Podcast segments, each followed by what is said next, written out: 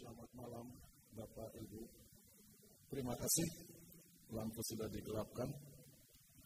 Kembali pada malam ini kita akan membahas merenungkan firman Tuhan dengan topik the way of the kingdom yaitu cara bekerja kerajaan sorga. Di dalam membaca Alkitab, ada pendekatan yang disebut sinoptik. Artinya, membaca Alkitab bersama-sama.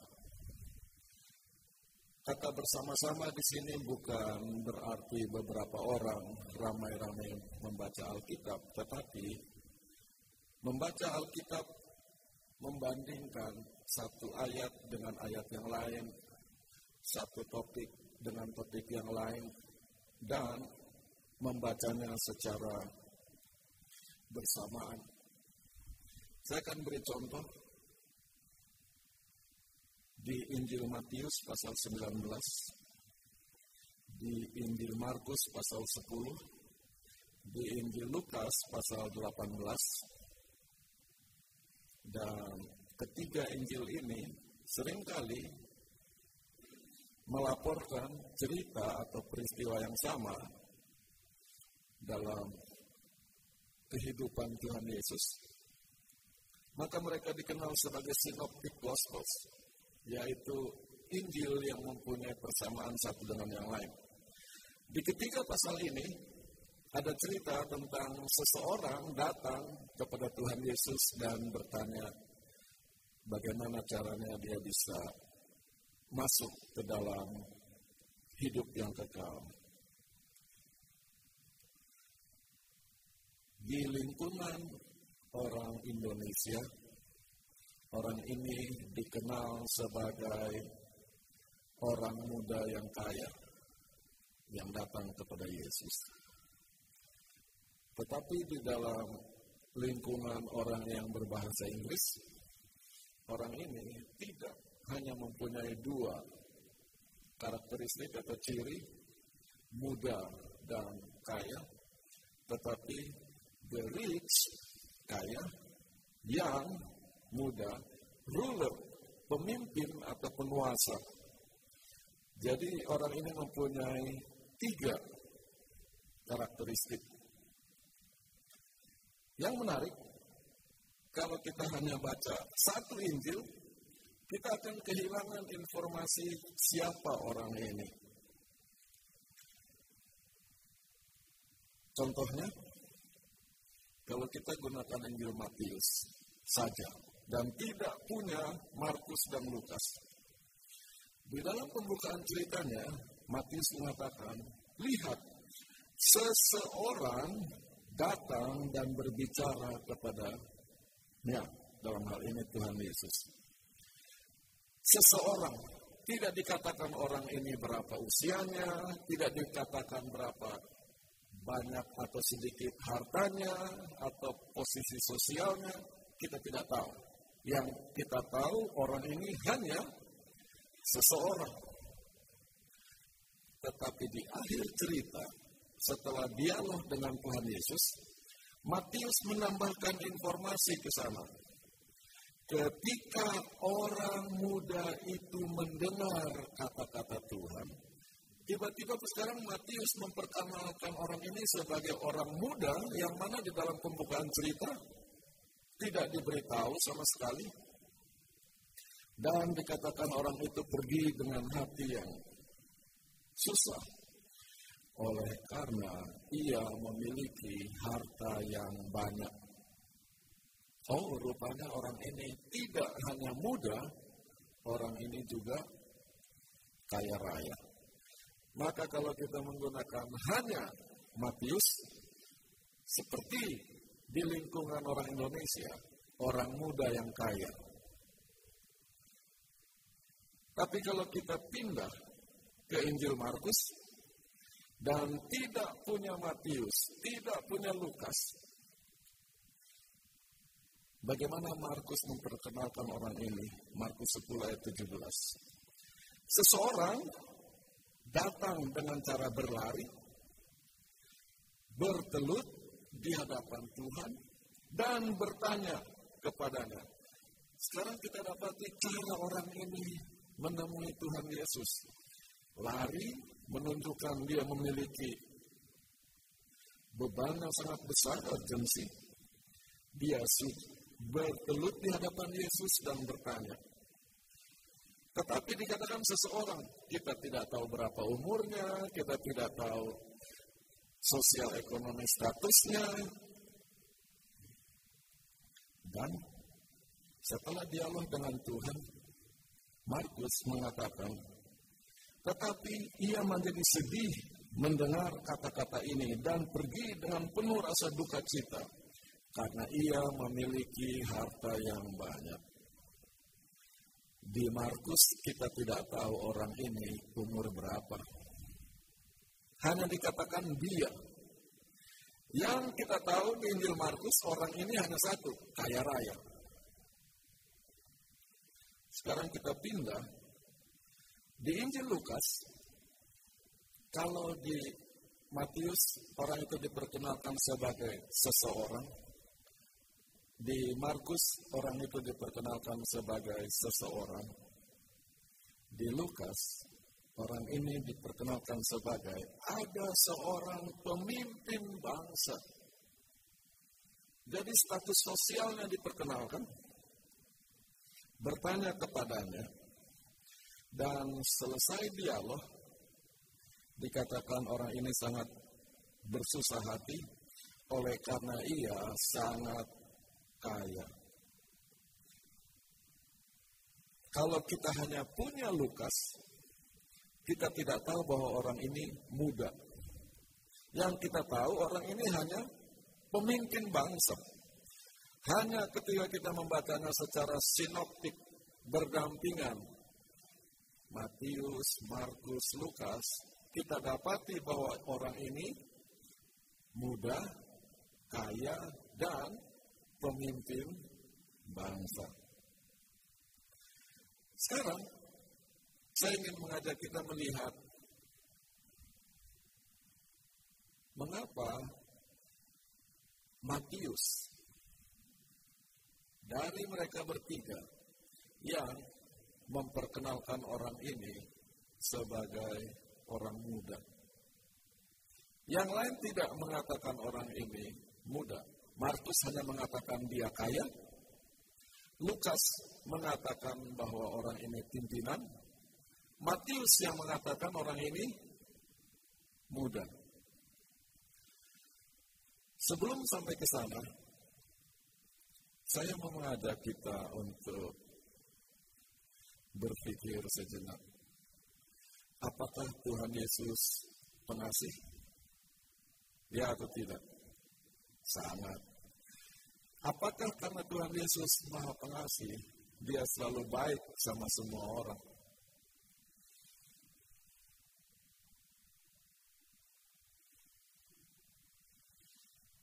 Bagaimana pandangan saudara tentang Tuhan Yesus di sini?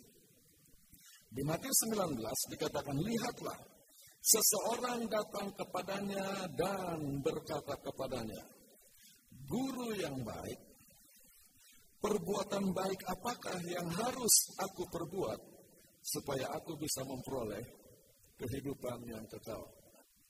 Di Injil Matius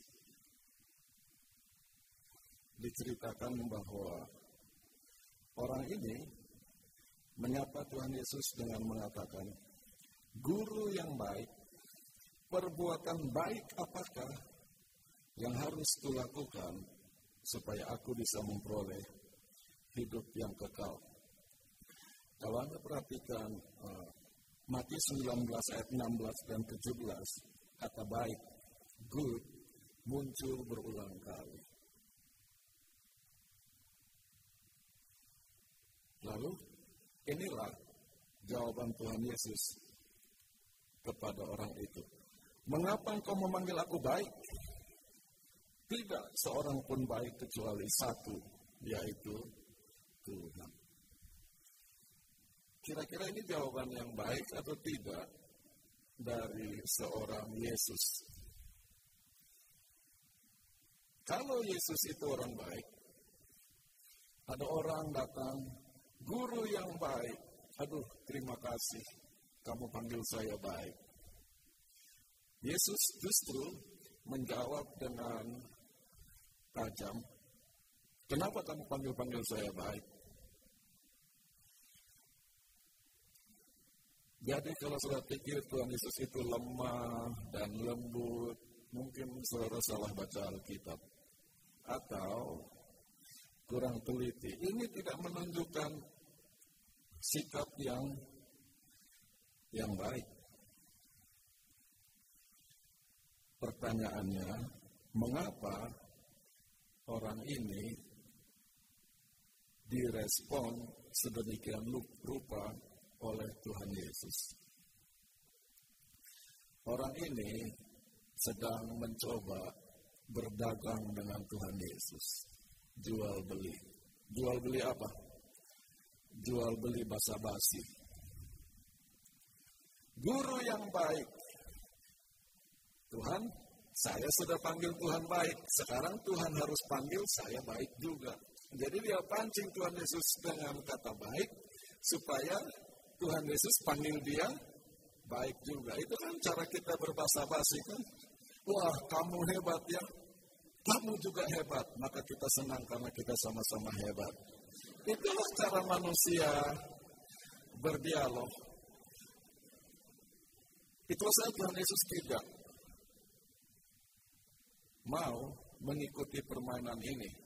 Kamu panggil saya baik. Kenapa? Jelas dimulai dengan Kenapa? Tuhan Yesus sedang mempertanyakan motif orang ini.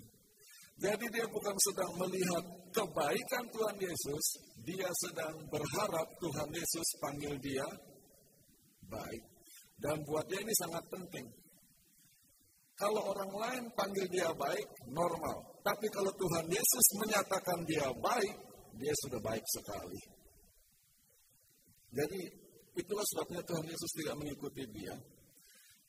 Lalu dialognya kita ketahui dengan sangat baik. Apa yang harus kulakukan supaya bisa memperoleh hidup yang kekal? Tuhan Yesus jawab, ikuti segala perintah-perintah Tuhan. Lalu dia katakan, semua ini sudah kuikuti. Nah, di sini dia berharap, waduh, kamu baik dan kamu siap untuk hidup kekal. Itu yang dia tunggu. Dan di sinilah Matius sangat cerdas di dalam menceritakan cerita ini. Di ayat 20 dikatakan, Orang muda itu berkata kepadanya, semua ini telah kupelihara sejak aku muda. Selama ini kita tahu dengan sangat baik jawaban orang ini. Semua hukum Tuhan telah kuikuti sejak aku muda. Kalau yang berkata begini adalah pendeta pensiunan, Tuhan, semua perintah Tuhan telah kupelihara sejak aku muda, kita tahu bahwa orang ini telah bergumul mengikuti Tuhan untuk puluhan tahun. Tetapi di sini jadi ironis, Orang muda itu menjawab, semua ini sudah kupelihara sejak aku muda. Jadi baru sebentar sekali dia ikut Tuhan sebetulnya. Dan baru ikut sebentar, dari muda sampai muda, sudah mau hidup kekal. Sudah mau dipanggil baik. Inilah yang disebut minimalis approach. Di dalam teori ekonomi, minimal ada tiga level cara orang melakukan kegiatan ekonomi. Yang paling rendah yang saya pelajari dulu waktu masih kecil, hukum ekonomi adalah dengan modal sesedikit mungkin mendapat keuntungan sebesar-besarnya. Itu namanya penipuan. Oh iya dong. Modal sedikit mau untung besar. Level yang kedua adalah you get what you pay. Seberapa banyak kamu bayar, sebesar itulah kualitas yang kamu akan dapat. Kalau kamu mau murah, ya dapat barang murahan. Kalau kamu mau berani bayar mahal, kamu dapat barang dengan kualitas lebih baik. Level yang ketiga adalah falsafah Walmart. Harga murah, tetapi servisnya jauh lebih baik dan mendapatkan barang terbaik. Terbalik itu dari dengan modal sesedikit mungkin mendapat keuntungan sebesar-besarnya. Kenapa? Karena Walmart berpikir jangka panjang. Mungkin harganya lebih murah, tapi kalau orang senang, mereka akan kembali, kembali, kembali, dan itu akan mengembalikan keuntungan di masa depan. Sementara dengan modal sedikit mungkin mendapatkan keuntungan sebesar mungkin, orang merasa tertipu satu kali datang, habis itu tidak pernah akan kembali lagi. Tetapi bagi banyak orang, hukum ekonomi dengan modal sesedikit mungkin mendapat keuntungan sebesar mungkin masih dipelihara baik-baik. Dan masuk ke dalam segala bidang. Dengan sekolah sesebentar mungkin mendapat gelar setinggi mungkin. Dengan belajar sesedikit mungkin mendapat angka setinggi mungkin. Makanya nyontek ke ujian, tanya teman. Karena pakai hukum ekonomi begitu. Dan mengikut Tuhan pun begitu. Dengan menurut sesedikit mungkin dapat sorga setinggi mungkin. Makanya kita takut sekali kalau firman Tuhan dijelaskan begini. Jangan-jangan saya mau syaratnya itu sesedikit mungkin supaya saya bisa masuk sorga dengan syarat yang sedikit. Dan inilah orang-orang. Hanya Matius yang mengatakan, the young man. Orang muda itu mengatakan, semua ini telah kupelihara sejak aku muda. Jadi itu baru sebentar dia.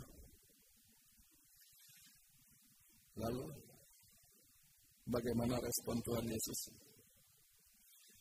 Maka Yesus melihat kepada orang itu, mengasihi orang itu, dan berkata kepadanya, kalau kamu mau sempurna, di dalam bahasa Greka kata yang digunakan telos atau teleos, yaitu well-rounded. Kamu sudah ikut firman Tuhan yang sini, sini, sini dari muda, tapi masih ada sisi lain, kedermawanan, suka bantu orang, supaya kamu well-rounded, sempurna seluruhnya. Pergi jual, berikan hartamu kepada orang miskin, datang dan ikutlah aku. Ketika Tuhan menantang dia untuk level yang lebih tinggi, ketika Tuhan mengajak dia untuk kehidupan rohani yang lebih luas, orang itu memilih pergi dengan hati yang sedih. The way of the kingdom. Kita mau masuk surga. Bagaimana cara kita masuk surga? Untuk supaya kita bisa mengerti dengan lebih baik fenomena orang muda yang kaya dan pemimpin ini, kita akan membandingkan apa yang terjadi terhadap orang ini dengan kehidupan Nabi Musa. Kehidupan Nabi Musa. Di ulangan pasal 3, kita membaca bagaimana Musa memohon kepada Tuhan supaya dia bisa menyeberang sungai Yordan dan masuk ke negeri Kanaan. Okay? The promised land, the kingdom of God. Itulah permohonannya. Dan seperti kita ketahui, Tuhan tidak mengabulkan permohonan Musa. Selama ini yang kita tahu cerita ini adalah cerita negatif. Musa tidak boleh menyeberang Kanaan karena dia sedang dihukum Tuhan karena Tuhan murka terhadapnya. Pada malam ini saya ingin mengajak Anda melihat cerita ini. Musa tidak diizinkan menyeberang ke Kanaan dari perspektif lain. Tidak merubah bahwa dalam cerita ini akhirnya Musa masuk kanan. Musa tetap tidak masuk. Tetapi kita akan melihat beberapa sisi lain yang bisa memperkaya pemahaman kita terhadap situasi ini. Di ayat 25, ulangan uh, pasal 3, Musa menyampaikan permohonan kepada Tuhan. Tuhan izinkanlah aku menyeberang dan melihat negeri di seberang sungai Yordan. Dan inilah reaksi Tuhan di ayat 26. Tetapi Tuhan marah terhadap aku. Dan Tuhan katakan cukup, jangan bicarakan hal itu lagi kepada aku. Dan banyak orang pelajar Alkitab segala zaman heran atau bingung membaca ulangan 3 ayat 26. Musa cuma minta masuk ke kanaan, kenapa Tuhan harus marah? Jawab baik-baik juga kan tidak apa-apa kan? Oh Musa tidak bisa. Kenapa? Tetapi Tuhan murka terhadap aku. Kenapa harus marah? Maka para rabi berdiskusi dan ini sudah bisa baca di apa uh, di Talmud dan sebagainya diskusi para rabi mereka coba mengerti kenapa Tuhan marah waktu Musa meminta menyeberang ke Kanaan. Ingat apa yang akan saya sampaikan bukan kebenaran. Ini hanya obrolan para rabi. Jadi jangan bilang ini sudah menjadi kebenaran baru. Waktu Musa minta kepada Tuhan, Tuhan, izinkan saya menyeberang. Tuhan jawab, tidak boleh Musa. Lalu Musa tanya, kenapa Tuhan? Kamu tidak ingat. Kamu pukul itu batu karang sampai keluar air. Kamu nggak boleh. Musa jawab, jadi hanya karena saya pukul batu karang, saya tidak boleh menyeberang. Tuhan pukul laut merah sampai kering itu laut. Tuhan tidak apa-apa. Kenapa saya cuma pukul batu tidak boleh lewat? Lalu Tuhan berpikir, bagaimana menjawab Musa ini? Oh, oh, iya, iya. Kamu tidak boleh menyeberang ke Kanaan karena kamu membunuh orang Mesir. Musa jawab, saya bunuh satu orang, tidak boleh masuk. Tuhan bunuh semua anak sulung di Mesir. Lalu Tuhan tidak bisa jawab Musa, makanya maka murkalah Tuhan kepada Musa dan berkata, cukup jangan bicarakan itu lagi sama saya.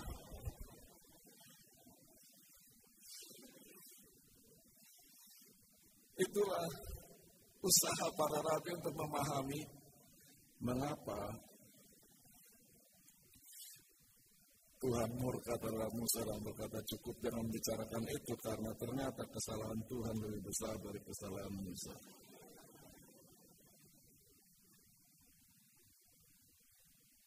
Lalu di ayat 27 Tuhan memberi jalan keluar.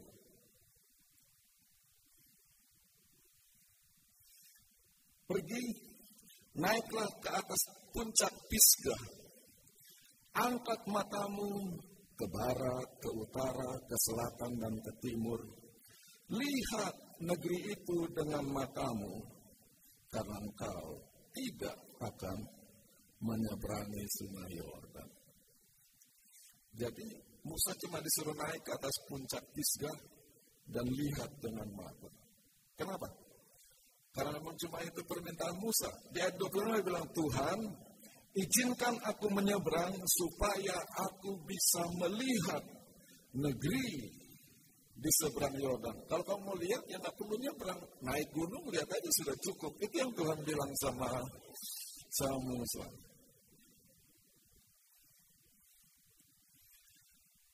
Di dalam bahasa Inggris, ada beberapa kata kerja untuk mengekspresikan kegiatan yang dilakukan oleh mata. To see to look, to watch, uh, to pay attention, dan uh, to analyze dan sebagainya, to examine. Semuanya itu mata semua yang berfungsi. Pada malam ini saya hanya mau menghubungkan dua kata, yaitu seeing sebagai melihat dengan visi. Visi adalah bagian dari proses melihat. Bedanya kalau seeing, melihat dengan mata, lebih merupakan kegiatan fisik. Visi adalah melihat dengan bekal informasi pemahaman yang ada di pikiran. Jadi bukan hanya melihat apa yang dilihat oleh mata, ada teori di baliknya. Contohnya, saat ini saya melihat Anda semua duduk di hadapan saya. Itu melihat sih. Tetapi melihat begitu banyaknya orang seperti ini, saya mulai berpikir, sayang sekali kalau kita cuma berkumpul begini. Bagaimana setelah kita berkumpul, kita berbuat sesuatu, dan bagaimana acara ini bisa dikembangkan lebih jauh. Itu sudah otak saya yang bicara, sudah bukan mata saya lagi. Itu berubah dari seeing to vision. Visi, melihat sesuatu yang lebih dari sekedar kegiatan mata. Mau saya kasih tunjuk dalam cerita ini. Musa rindu melihat negeri Kanaan dengan mata. Tapi nanti Tuhan merubah apa yang dia lihat menjadi fisik. Di ayat 28, jadi kita ulangi, ayat 25, Tuhan izinkanlah aku menyeberang dan melihat negeri perjanjian. Di ayat 27 Tuhan katakan, engkau tidak akan menyeberang, tapi bahasa yang lebih baik untuk terjemahan ini adalah tuntunlah Yosua. Doronglah dia. Kuatkanlah dia. Karena engkau, karena dia yang akan pergi di depan umat ini dan dialah yang akan membawa mereka mewarisi negeri yang akan engkau lihat. Saudara apa yang terjadi di sini? Musa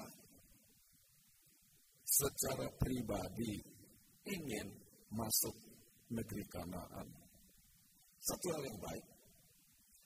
Tetapi sekarang Tuhan merubah fokus hidupnya dari bagaimana saya bisa masuk surga, yang mana itu tidak masalah, baik. Tetapi jauh lebih baik bukan hanya bagaimana saya bisa menyeberang ke Kanaan, bagaimana saya bisa menyiapkan yang lebih mudah untuk juga masuk ke Kanaan dan yang lebih mudah ini bisa mempersiapkan seluruh umat untuk masuk ke Kanaan. Jadi Musa tadinya hanya berpikir untuk diri sendiri. Saya ingin masuk Kanaan. Sekarang Tuhan merubah fokus pandangannya dari saya masuk Kanaan menjadi seluruh umat bisa masuk Kanaan. Dan lebih jauh lagi kalau kita baca ayat ini baik-baik, yang terjadi luar biasa. ketika Musa berbicara kepada bangsa Israel, dia katakan, kamu tahu, Tuhan itu marah terhadap saya karena kamu. Harusnya saya bisa masuk kanan, tapi karena kamu menggerutu, menggerutu, marah-marah, saya jadi ikut marah. Saya pukul batu, sekarang saya yang tidak bisa masuk kanan karena kamu.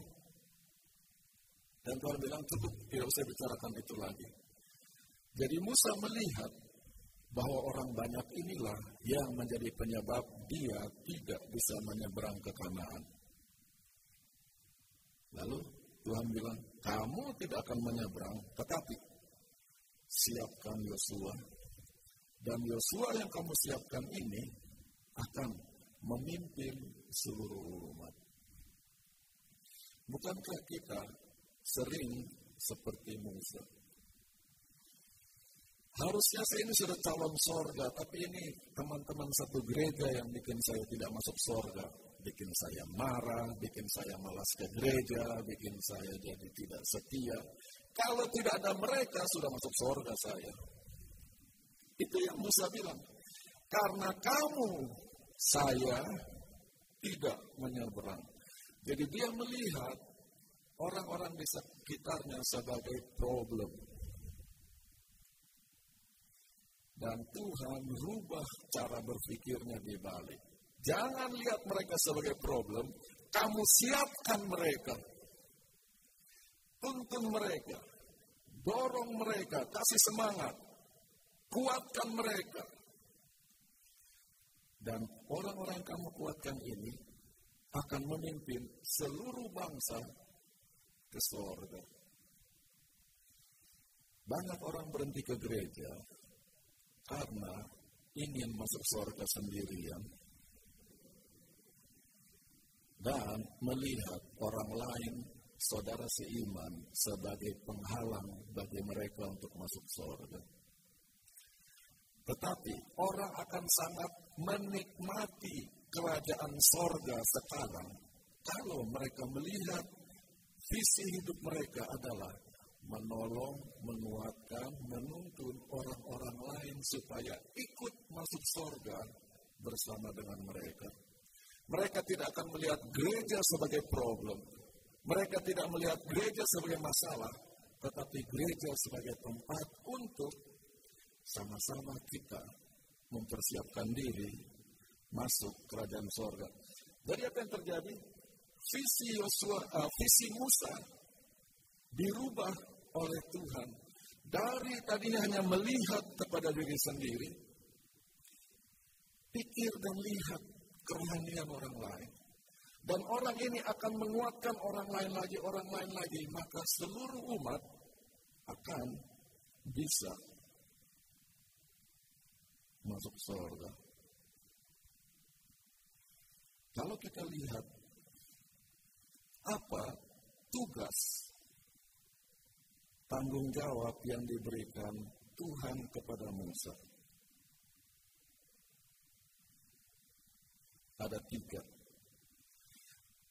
Menuntun Yosua, mendampingi Yosua, menguatkan Yosua, dan empower, membuat Yosua menjadi tangguh dan kalau dia berhasil melakukan ini kepada Yosua, maka Yosua akan sanggup memimpin seluruh bangsa. Dan ini menjadi indah dan penting. Sering sekali kita melihat anak-anak muda di gereja kita sebagai problem, gantinya sebagai aset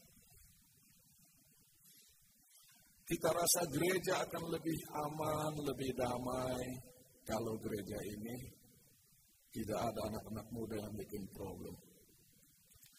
Uh, dulu saya kira yang nakal itu anak-anak. Jadi ada istilah kenakalan remaja. Ternyata setelah saya jadi pendeta, orang-orang tua itu lebih nakal dari uh, dari anak-anak dan dari remaja. Saya tidak perlu ini. Jadi bukan ternyata semua kita, mau anak-anak, mau remaja, mau orang muda, mau orang tua, nakal semua. Jadi jangan cuma lihat, ah ini anak-anak. Dan ini mental Musa. Dia melihat mereka sebagai program, no, no, no, stop. Dampingi mereka. Didik mereka. Dan itu yang namanya pendidikan. Musa yang sama menasehati seluruh bangsa Israel di ulangan 6 ayat 6 dan 7. Firman yang kuberitakan kepadamu pada hari ini harus kamu simpan di dalam hatimu.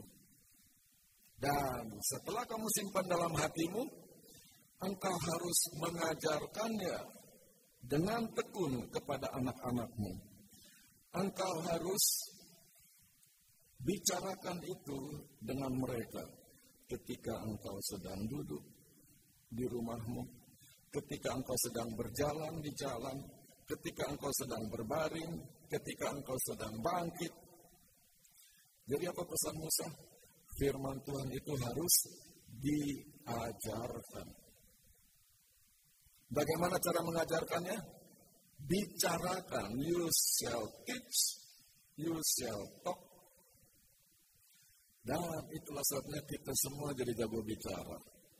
Karena mengikuti ulangan 6 ayat 6 dan 7. Tetapi ulangan 3 ayat 28 memberi kepada kita pandangan apa artinya mengajar apa artinya mengajar? Tuntun mereka, dorong mereka, kuatkan mereka. Dan mereka akan berhasil menjadi orang-orang yang tangguh. Dan orang-orang ini akan menjadi pemimpin di masa depan. Maka gereja akan jadi berkat bagi banyak orang. Gantinya menjadi tempat konflik, dan nasihat Musa ini menarik. Ulangan 6. Engkau harus mengajarkannya kepada anak-anakmu dengan tekun. Engkau harus membicarakannya dengan mereka. Ada seorang presiden Amerika Serikat di masa lalu namanya John Quincy Adams. Dia mempunyai pandangan yang unik. Jika tindakanmu, bukan kata-kata ya, jika tindakanmu memberi inspirasi kepada orang lain untuk bercita-cita lebih jauh, memberi inspirasi kepada orang lain ingin belajar lebih jauh, memberi inspirasi kepada orang untuk melakukan yang lebih banyak lagi dan menjadi lebih hebat, kamu namanya seorang pemimpin. Jadi seorang pemimpin itu melalui tindakannya, bukan melalui posisinya. Selama ini kita berpikir leadership as a position. Yang mana tidak salah dengan itu, itu adalah bagian dari cara manusia berfungsi sebagai kumpulan sosial masyarakat. Ada pemimpin, ada yang dipimpin. Tetapi pada saat yang sama, kita semua sebagai umat Tuhan punya potensi dan kesempatan sebagai pemimpin-pemimpin dalam bentuk cara hidup kita memberi inspirasi kepada orang-orang di sekitar kita untuk menjadi orang-orang yang lebih baik, lebih maju dan lebih hebat. Dan apa yang dikatakan oleh John Quincy Adams ini selaras dengan perintah Tuhan kepada Musa untuk apa yang harus dilakukannya kepada Yosua. Tuntun dia, dorong dia, beri semangat dia, kuatkan dia, teguhkan dia, tangguhkan dia, empowerment. Dan hasilnya, kalau Yosua sudah ditolong, Yosua ini akan menjadi pemimpin bangsa dan dia akan membawa mereka menyeberang ke negeri perjanjian untuk diwarisi. Kenapa sukar bagi banyak orang, termasuk Musa, untuk melihat Yosua dan seluruh bangsa sebagai potensi. Ketika kita melihat dunia ini, sering kali kita memandangnya dengan apa yang disebut visual, visi.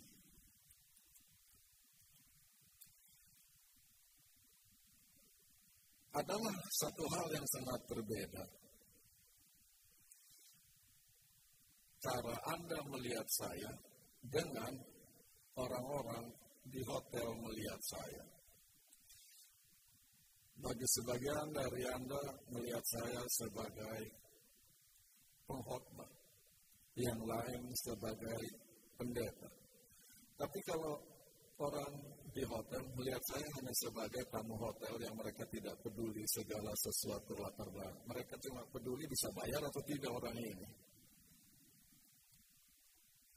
Jadi, sering kali cara kita melihat orang sudah ada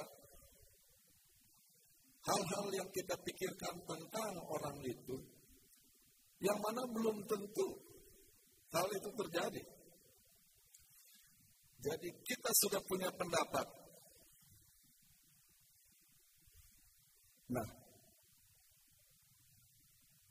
cara kita melihat dunia itu ada dua cara. Yang paling mudah dan yang paling populer adalah apa yang disebut dikotomi. Dikotomi itu membagi apa yang kita lihat menjadi dua. Dan kita cenderung melakukan hal itu. Karena dunia di mana kita hidup penuh dengan dikotomi. Ada siang, ada malam. Ada gelap, ada terang ada panas, ada dingin. Ada musim hujan, ada musim kemarau. Ada lapar, ada kenyang. Jadi selalu terbagi dua. Dan hal-hal seperti ini sangat memudahkan kita untuk memindahkannya secara sosial. Orang kaya, orang miskin, orang penting, orang tidak penting, orang berguna, orang tidak berguna.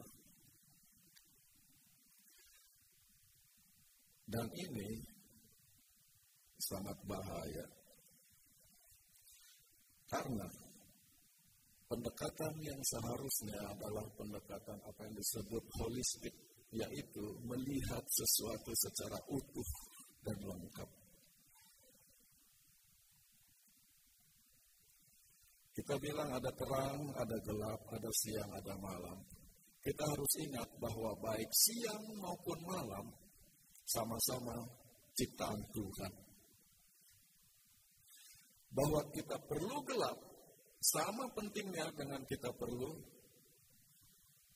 terang. Salah satu sebab orang sekarang jadi pemarah adalah karena berkat yang luar biasa dan berkat itu menjadi sumber problem yang sangat besar. Apa berkatnya? Teknologi listrik. Setelah ada teknologi listrik, sudah tidak ada lagi pemisahan antara siang dan malam, gelap dan terang. Akibatnya, kita semua jadi orang yang kurang tidur. Kita semua jadi orang yang kurang tidur. Saya ingat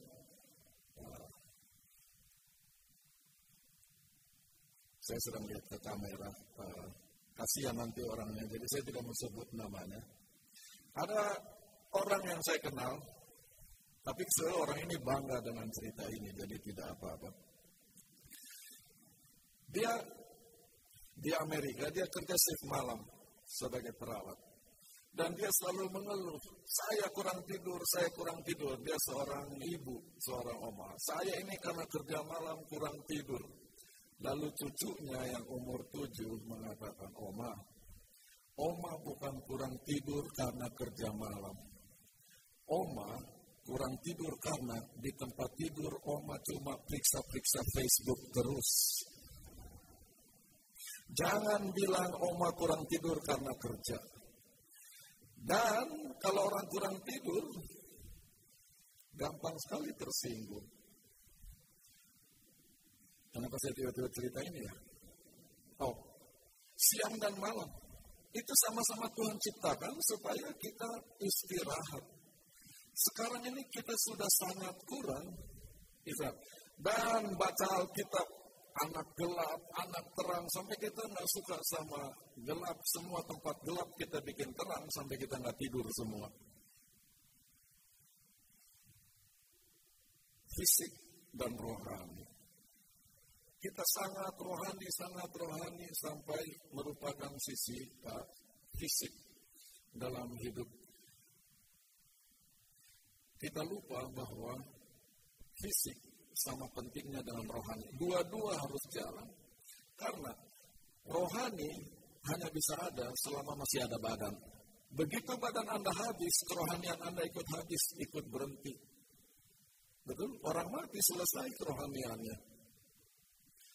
Sadarkah Anda bahwa perintah pertama yang Tuhan berikan kepada Adam dan Hawa manusia adalah perintah yang berkaitan dengan fisik. Apa perintah Tuhan yang paling pertama? Semua buah boleh kamu makan. Jadi Tuhan mempunyai beban yang besar untuk fisik kita. Jadi sedangkan Tuhan mau kita makan, jangan terlalu lama berpuasa sampai siksa badan. Di sisi lain jangan makan terus sampai jadi sakit. Holistik. Balance. Iman dengan kerohanian. Oh sorry, iman dengan kecerdasan. Seolah kalau orang pakai logika, artinya dia tidak punya iman. Kalau orang beriman, tidak pakai logika sama sekali.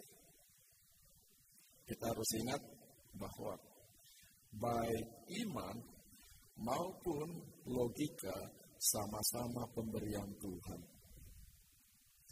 Tuhan memberi kita iman, Tuhan yang sama memberi kita otak untuk dipakai. Jadi kalau umat Tuhan kurang pakai otaknya itu menghina Tuhan.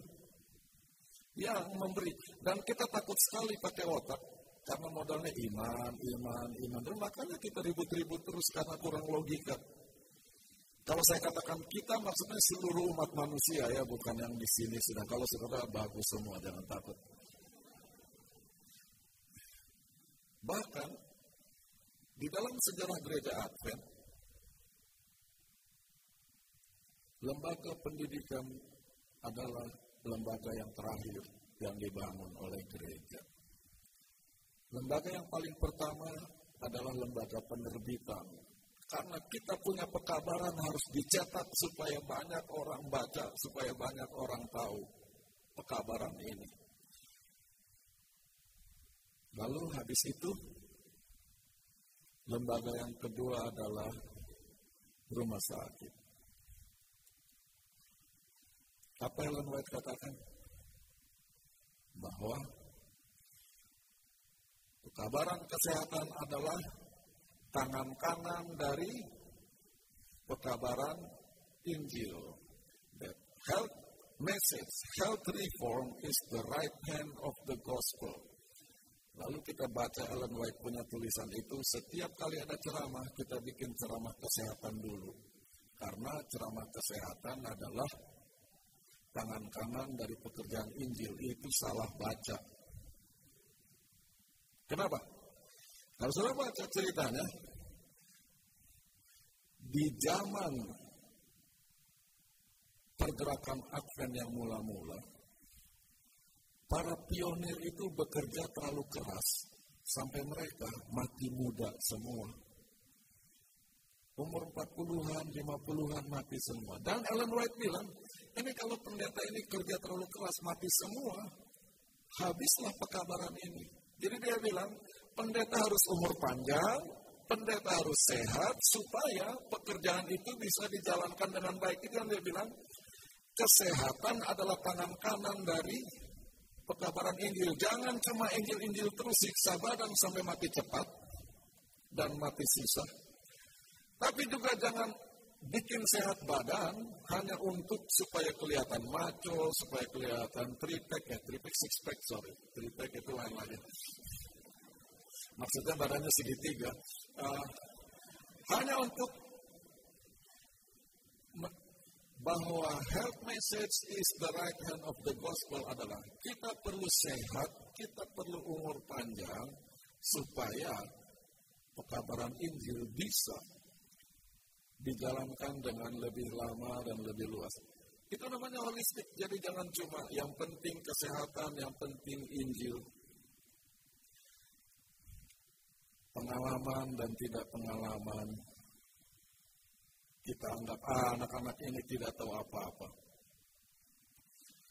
Satu kali saya dipindahkan ke satu gereja dan ketua jemaatnya seorang yang sudah berusia di atas 60 ke atas.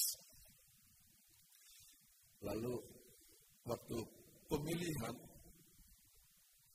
anggota rapat pemilih saya bilang harus dipecah. Harus ada wakil dari bapak-bapak, harus ada wakil dari ibu-ibu, dan harus ada wakil dari orang muda. Dan yang namanya orang muda adalah mereka yang umur 35 tahun ke bawah.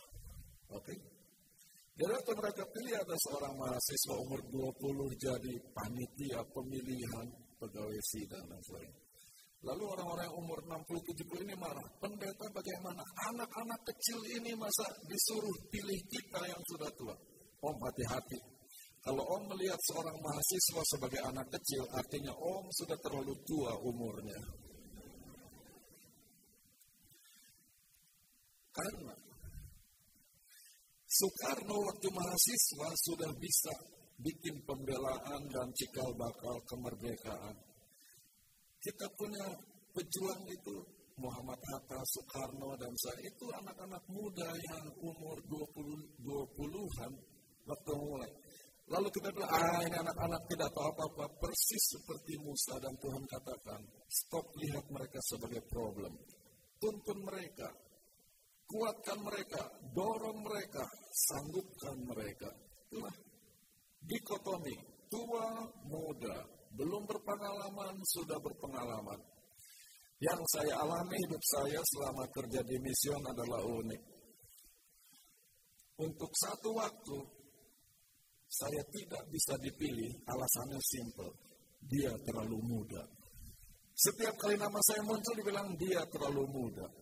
Tiba-tiba sekarang, ah dia sudah terlalu tua. Dia sudah, kapan terpilihnya?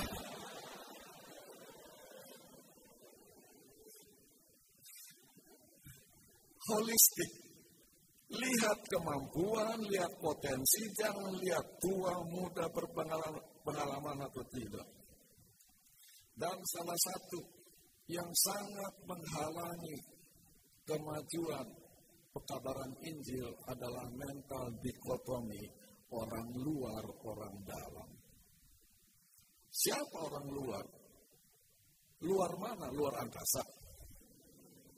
Siapa orang dalam? Dalamnya apa?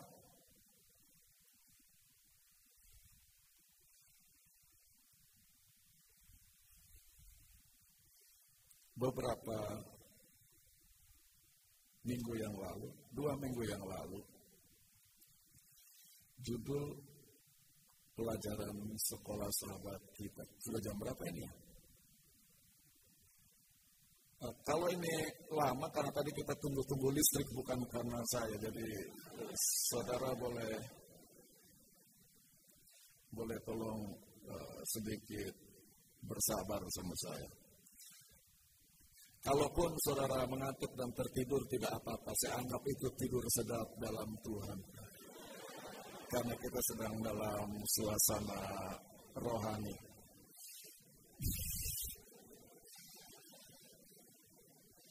Tadi saya mau bilang apa? Oh, pelajaran sahabat dua minggu lalu. Judulnya dalam bahasa Inggris, The Holy Spirit and the Church. Oke. Yang mana kalau kita mau terjemahkan secara bebas,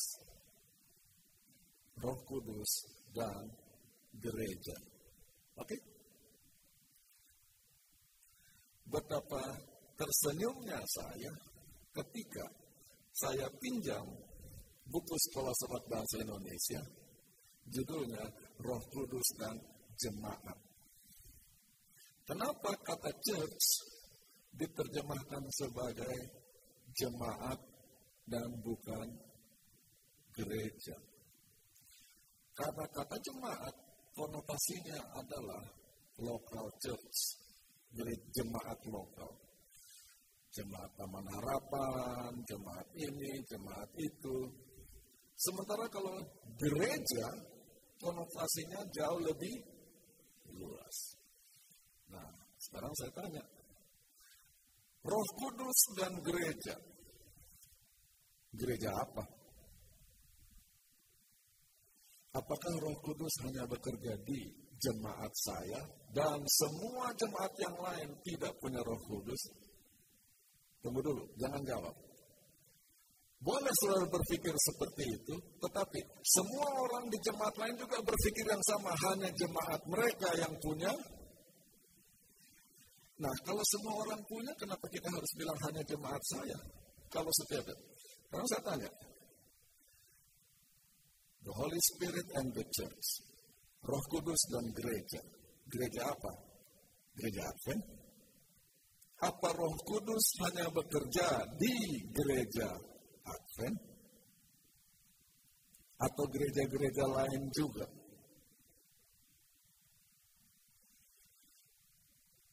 Yang membuat saya berpikir tentang ini hanya simple, yaitu Yohanes 3 ayat 16. Karena begitu besar kasih Allah akan orang Kristen, sehingga dikaruniakannya anaknya yang tunggal. Apa begitu ayatnya? Kita sering kali berpikir orang luar, orang dalam. Apa ayatnya mengatakan karena begitu besar kasih Allah akan orang Advent, sehingga dikaruniakannya anaknya yang tunggal. Apa ayatnya katakan? Tuhan mengasihi seluruh dunia. Betul? Jadi kalau kita berpikir orang luar, orang dalam, kita sedang melawan Tuhan. Karena Tuhan punya visi, seluruh dunia diselamatkan. Musa tadi, Musa, Yosua, dan seluruh umat. Stop berpikir orang luar, orang dalam. Kenapa? Masalah visi. Belum ketemu orangnya, ah orang ini sudah. Gimana kita kerja kalau lihat orangnya saja kita sudah membeda bedakan. Ini ayat yang penting. Bukan saya katakan uh, artinya kita tidak perlu jadi advent lagi. Saya bertanya lebih jauh. Harusnya dengan menjadi advent kita akan lebih siap untuk menolong Tuhan dalam pekerjaannya menyelamatkan seluruh dunia, gantinya dengan jadi advent kita sembunyi, itu dunia hanya saya. Sudah terbalik cara berpikirnya. Ini hanya ide untuk dipikir-pikir selama sepanjang sisa hidup Anda. Lihat ini cara membaca kita. Ini masalah dikotomi luar dalam, orang luar, orang dalam. Cara kita membaca ayat yang sangat penting ini pun terlalu sempit. Aku melihat malaikat yang lain terbang di tengah-tengah langit. Dan apa yang dia punya? Injil yang kekal. Oke? Okay? Itu ayatnya bilang. Tapi bagaimana kita cara bacanya? Malaikat terbang di tengah langit dengan pekabaran Advent. Kita rubah isi Alkitab. Alkitabnya katakan Injil yang kekal, kita baca hanya kebenaran Advent. No. Pekabaran Advent harusnya adalah Injil yang kekal. Apa artinya kekal? Tidak dibatasi oleh waktu, tidak dibatasi oleh tempat, tidak dibatasi oleh bangsa apa pun. Jadi harusnya holistik. Gantinya jadi cuma sempit dan saya selamat orang lain tidak seperti Musa. Kalau tidak ada orang-orang ini pasti saya sudah bisa ke surga. Dan penjelasan dari Injil yang kekal ini sangat jelas untuk setiap bangsa, setiap suku, setiap bahasa, setiap kaum. Sedangkan ayat ini sangat universal bahasanya. Yohanes 3 ayat 16 sangat universal bahasanya. Maksudnya seluruh bumi, bagaimana mungkin umat Tuhan mentalitasnya adalah dikotomi orang luar, orang dalam.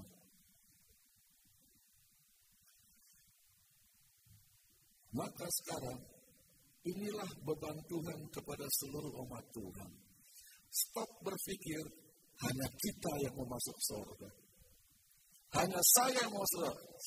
Lihat orang lain, tolong mereka, kuatkan mereka, kasih semangat mereka, tuntun mereka, supaya bisa masuk surga. Dan sekarang kita lompat dari keja- uh, ulangan pasal 3 ke penutupan buku ulangan. Ulangan 34. Dikatakan Musa naik dari lembah Moab ke gunung Nebo, ke puncak Pisgah di seberang Yeriko, dan Tuhan memperlihatkan kepadanya seluruh negeri itu. Lalu lebih jauh dikatakan di sana Musa umurnya 120 tahun waktu dia mati. Matanya tidak pernah kabur. Kekuatan fisiknya tidak pernah pudar. Selama ini ayat ini dibaca sebagai Musa mati sebagai orang yang sangat sehat. Almarhum Dr. Toran sangat senang dengan ulangan 34 ayat 7. Dia katakan, Musa adalah satu-satunya orang di dunia ini yang jalan sendiri ke kuburnya. Orang lain kan dipikul ke kubur kalau Musa jalan sendiri. Orang lain dipikul. Ada orang lain belum mati, sudah belasan tahun, sudah tidak pernah jalan lagi. Karena tidak sehat.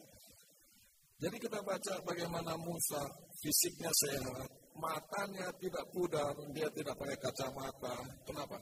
Ya karena memang belum ada toko kacamata waktu itu, jadi ya dia kalaupun dia perlu nggak tahu membeli di mana.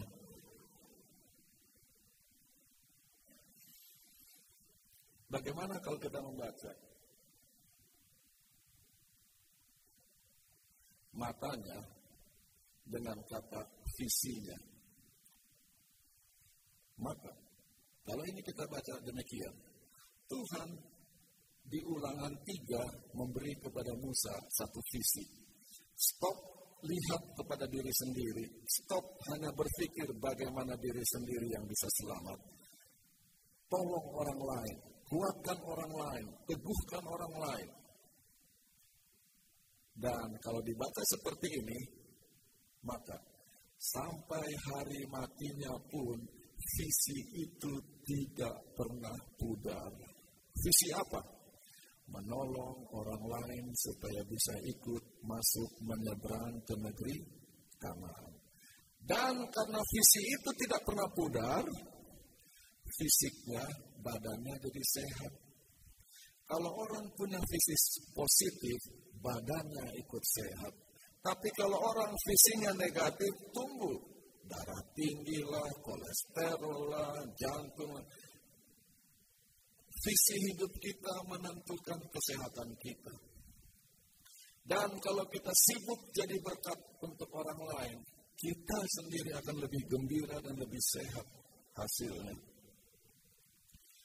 Dari mana saya tahu itu? Lihat ini. Sorry. Kesehatannya tidak pernah pudar karena Musa, karena Musa menasihati bangsa Israel. Hendaklah kamu mengasihi Tuhan Allahmu dengan segenap hatimu, dengan segenap jiwamu, dengan segenap artinya sampai hari matinya pun Musa melayani Tuhan dengan segenap kekuatannya. Dan kenapa orang bisa melayani Tuhan dengan segenap kekuatannya? Karena visinya adalah menolong orang lain masuk surga, bukan hanya memikirkan bagaimana cara diri sendiri bisa masuk surga. Mari kita melihat betapa pentingnya visi dalam kehidupan pribadi, dalam kehidupan keluarga, dalam kehidupan berjemaat, dan dalam skala yang lebih besar. Visi itu bukan cuma cita-cita, visi itu bukan cuma hayalan, visi itu adalah panggilan supaya kita menjadi orang lebih baik. Untuk menjadi sesuatu lebih dari siapa kita saat ini. Dan itulah yang dilakukan Musa. Dan ada seorang mengatakan, ketidakpuasan, kekecewaan dalam hidup bukan disebabkan oleh karena kita kekurangan sesuatu. Kurang uang, kurang harta, kurang materi. Tetapi ketidakpuasan dalam hidup, kekecewaan dalam hidup lebih sering diakibatkan oleh karena kita kekurangan visi. Karena kita tidak punya visi. Visi itu sangat mahal. Visi itu sangat mahal. Bahkan kalau Anda mempunyai visi yang luar biasa, anda tidak punya uang, Anda tidak punya apa-apa, orang akan siap membayar Anda. Orang akan siap kasih dana kalau visi itu luar biasa. Contohnya, ya saya. No, no, no, no, no. Sangat simple. Saya tidak punya uang untuk jalan-jalan ke Manado. Oke? Karena penghasilan saya terbatas, saya banyak tetapi ada orang lain yang punya visi. Bagaimana kalau pendeta berkhotbah ke sana, maka tiba-tiba orang itu mau mengeluarkan dana, bukan cuma orang itu, sekelompok orang mau mengeluarkan dana. Visi kalau visi ada, uang masuk. Tapi kalau kita mikirnya cari uang, cari uang, tidak punya visi, ribut kita untuk uang yang sedikit itu jadinya.